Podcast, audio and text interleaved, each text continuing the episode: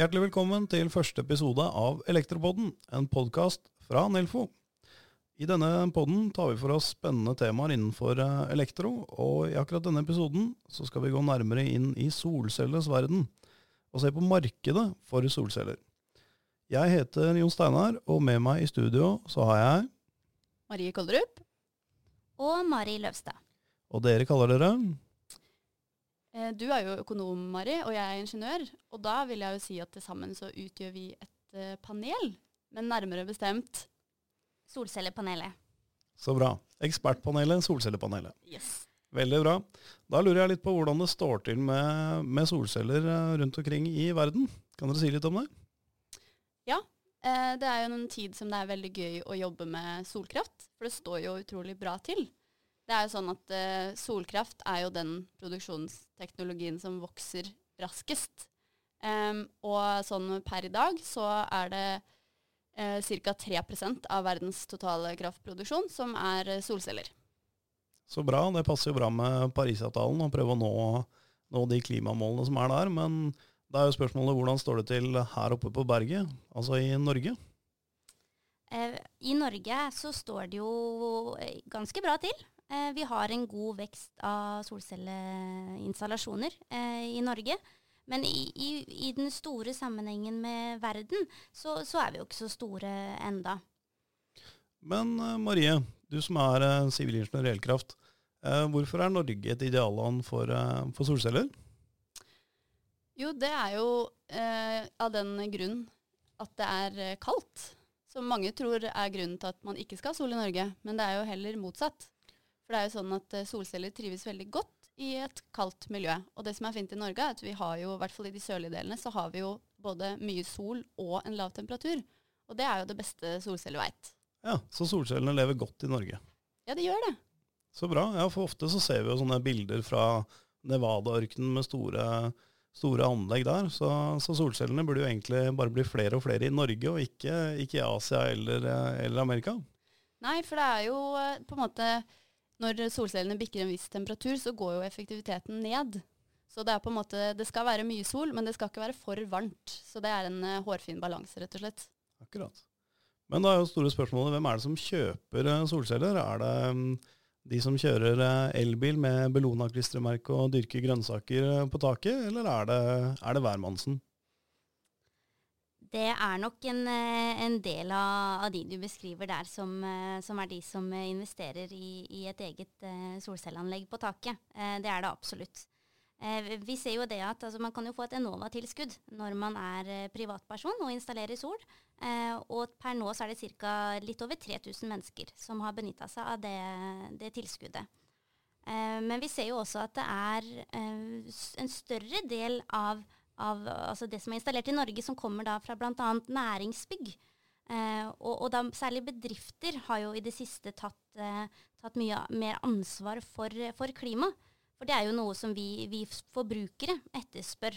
Og, og for å kunne være en, en, eh, en konkurransedyktig bedrift, rett og slett, så må du eh, følge med i tida. Og du må ha egne mål for klima. Og, og sånn sett så er det jo da en del som, eh, som tar og installerer sol på, på kontorbygget sitt. da. Ja, altså vi kan si det så sterkt som at hvis du skal ha leietagere, så må du ha sol på taket.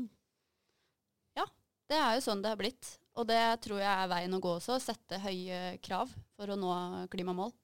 Ja, men så bra. Da er det jo strålende utsikter her, men da er jo spørsmålet hvordan står det til eh, hos, eh, hos installatørene, hos medlemsbedriften i Nelfo? Jo, du, morsomt at du spør, for vi har akkurat gjort en undersøkelse. Ehm, og vi har jo 1700 medlemsbedrifter i Nelfo som er elektroinstallatører. Og de sendte vi ut en undersøkelse til for å høre hvordan ståa var på sol. Um, og det vi fant ut av da, var jo at hele 50% av de som tok undersøkelsen, sier at de er aktive på solkraftmarkedet i dag.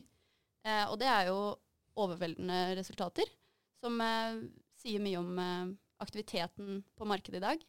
Em, den eh, spennende delen var jo da vi spurte hvor mange som ønsker å ta del i solkraftmarkedet i dag. Eh, for da fikk vi jo høre at det var 37% Og legger man de da sammen med de 50 som sa de var aktive i dag, så ligger vi da på 87% Som vil si de aller, aller fleste driver med sol, eller ønsker å drive med sol, av våre medlemsbedrifter. Så det er tommel opp for det.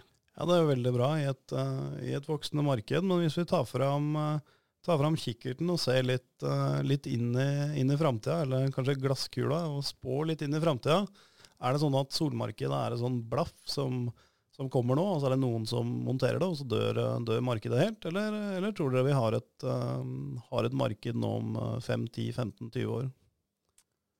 Vi tror jo absolutt at vi har et kjempemarked eh, fremover. Eh, verden er i endring, eh, og, og, vi må finne nye muligheter og løsninger eh, å løse verdens eh, klimaproblemer på. Eh, vi skal være karbonnøytrale eh, fram mot 2050, og da sier det seg selv Eh, at særlig de landene som driver med kull og, og, olje og lignende, ikke kan gjøre det lenger og må gå over til, til andre, mer fornybare energikilder.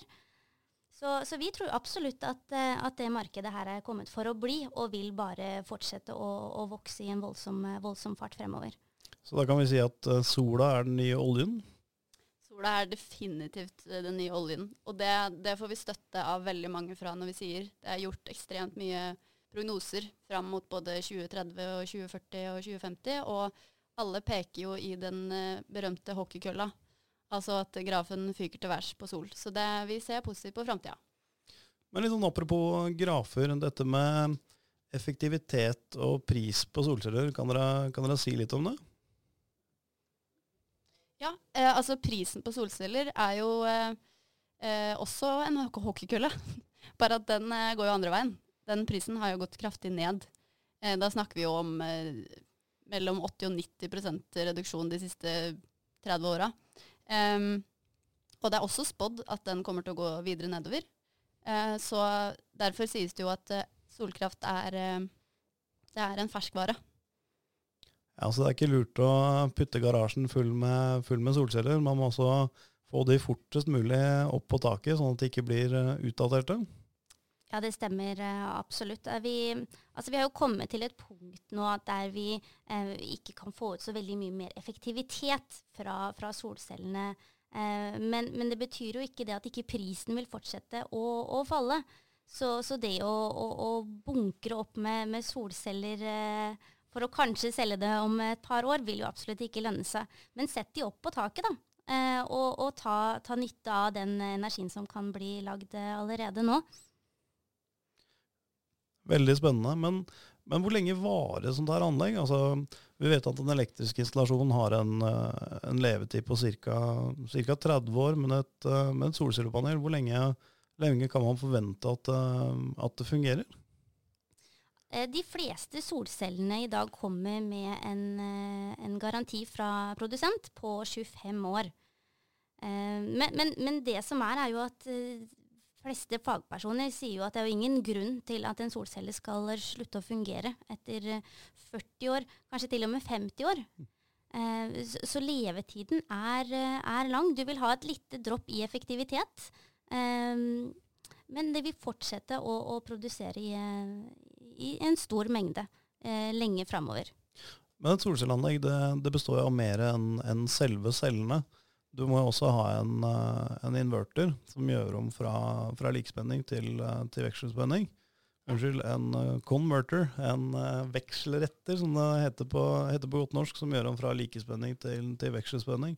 Og denne inneholder jo kraftelektronikk. Hva, hva er potensielt levetiden på en, på en solcelleomformer?